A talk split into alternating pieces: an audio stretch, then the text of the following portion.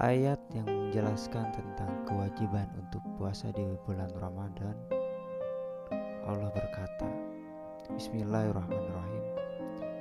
Ya ayyuhalladzina amanu kutiba alaikumus kama kutiba alal ladzina min qablikum la'allakum tattaqun. Salah satu aspek dari ayat ini adalah kama kutiba alal ladzina min qablikum. Berpuasalah kalian sebagaimana diwajibkan oleh Allah Subhanahu wa taala sebagaimana orang-orang sebelum kalian. Artinya bahwa orang-orang sebelum Islam itu datang memang sudah diwajibkan untuk berpuasa oleh Allah Subhanahu wa taala. Bahkan sejak manusia pertama dibuka bumi ini Nabi Adam dikisahkan dalam riwayat ketika melanggar pelanggaran Allah di surga memakan buah khuldi. Beliau kemudian berpuasa. Seketika beliau melanggar aturan Allah. Begitu juga Nabi Nuh. Ketika beliau terkena musibah berupa banjir yang besar, dikisahkan dalam riwayat bahwa beliau juga melakukan puasa. Nabi Ibrahim ketika kayu-kayu dikumpulkan untuk membakar Nabi Ibrahim, maka Nabi Ibrahim kemudian melakukan ritual puasa juga. Begitu juga Nabi Musa dan para nabi-nabi sebelum Nabi Muhammad semua melakukan puasa ketika mereka kemudian dalam momentum momentum tertentu yang secara umum momentum-momentum itu adalah terkena musibah.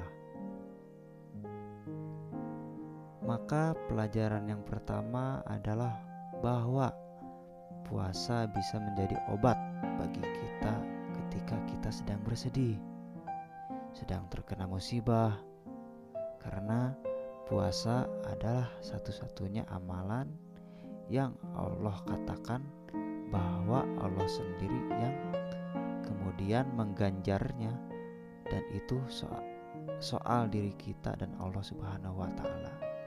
Sebagaimana dijelaskan dalam hadis.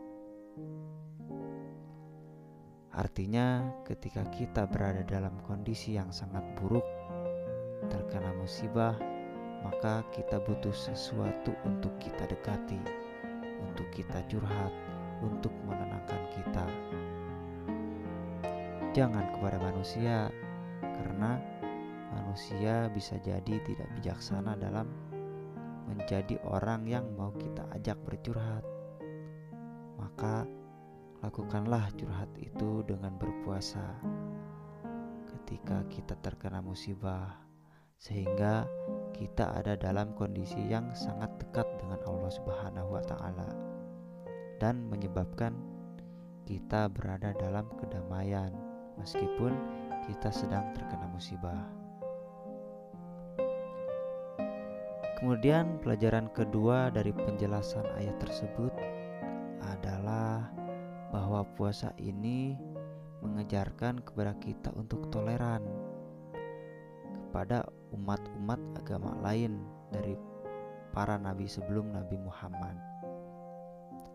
Ada umat Nabi Isa, yakni orang-orang Nasrani ada umat Nabi Musa, yakni orang-orang Yahudi, dan semua umat dari agama lain, bahkan orang-orang yang tidak percaya kepada agama. Sebenarnya, siapa pun manusia itu, mereka juga meyakini kebaikan dari puasa itu, sehingga ini menjadi titik bagi kita untuk toleran kepada umat dari agama lain, atau siapa pun saja karena ada suatu kebaikan bersama yang diyakini oleh kita semua. Salah satunya adalah puasa. Di mana puasa ini adalah amalan yang bukan hanya dilakukan oleh kita dan diwajibkan kepada umat Nabi Muhammad, tapi dilakukan oleh umat agama lain dan diwajibkan pada umat dari nabi-nabi sebelum Nabi Muhammad. Kemudian pelajaran ketiga dari puasa ini adalah bahwa kita harus membedakan antara kebenaran dan kebaikan. Artinya begini, bahwa kita bisa jadi berbeda tentang kebenaran dengan umat-umat agama lain. Umat agama lain meyakini kitab suci yang berbeda dari kita, meyakini nabi yang berbeda dengan kita. Namun, soal kebaikan, semua umat itu adalah sama, bahwa kita harus merasakan rasa lapar yang dirasakan orang yang kekurangan. Itu adalah kebaikan yang diajarkan oleh semua agama,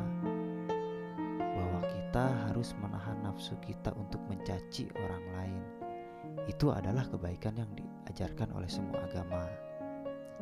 Artinya, dalam hal kebaikan, sebenarnya kita dengan agama lain sama-sama dianjurkan untuk berbuat baik. Oleh karena itu, ini seharusnya menjadi tempat bagi kita untuk bersama-sama dengan agama lain, dengan dari agama lain, yakni melakukan kebaikan, berlomba-lomba dalam kebaikan, sebagaimana diperintahkan dalam Islam, yakni pastabikul khairat. Berlomba-lombalah kalian dalam kebaikan, bukan dalam kebenaran. Dikatakan bahwa perlombaan itu sebaiknya dalam kebaikan, bukan dalam kebenaran. Biarkan kebenaran itu masing-masing orang, masing-masing agama memiliki apa yang mereka yakini, dan kita tidak mau memaksakan agama kita kepada siapa pun, sebagaimana diajarkan dalam Al-Quran.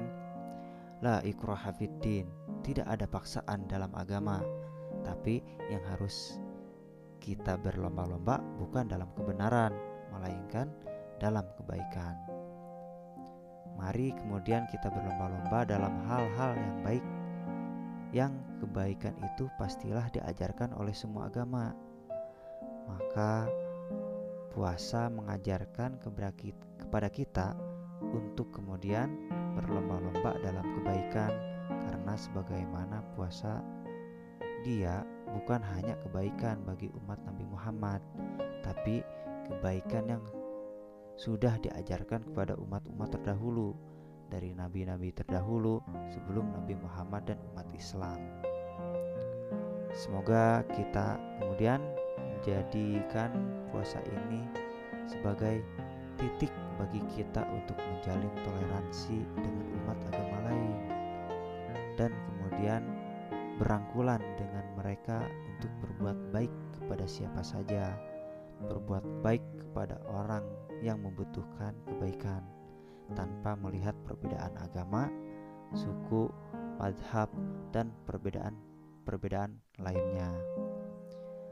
Karena kebaikan bersifat universal, lintas agama, lintas segala-galanya.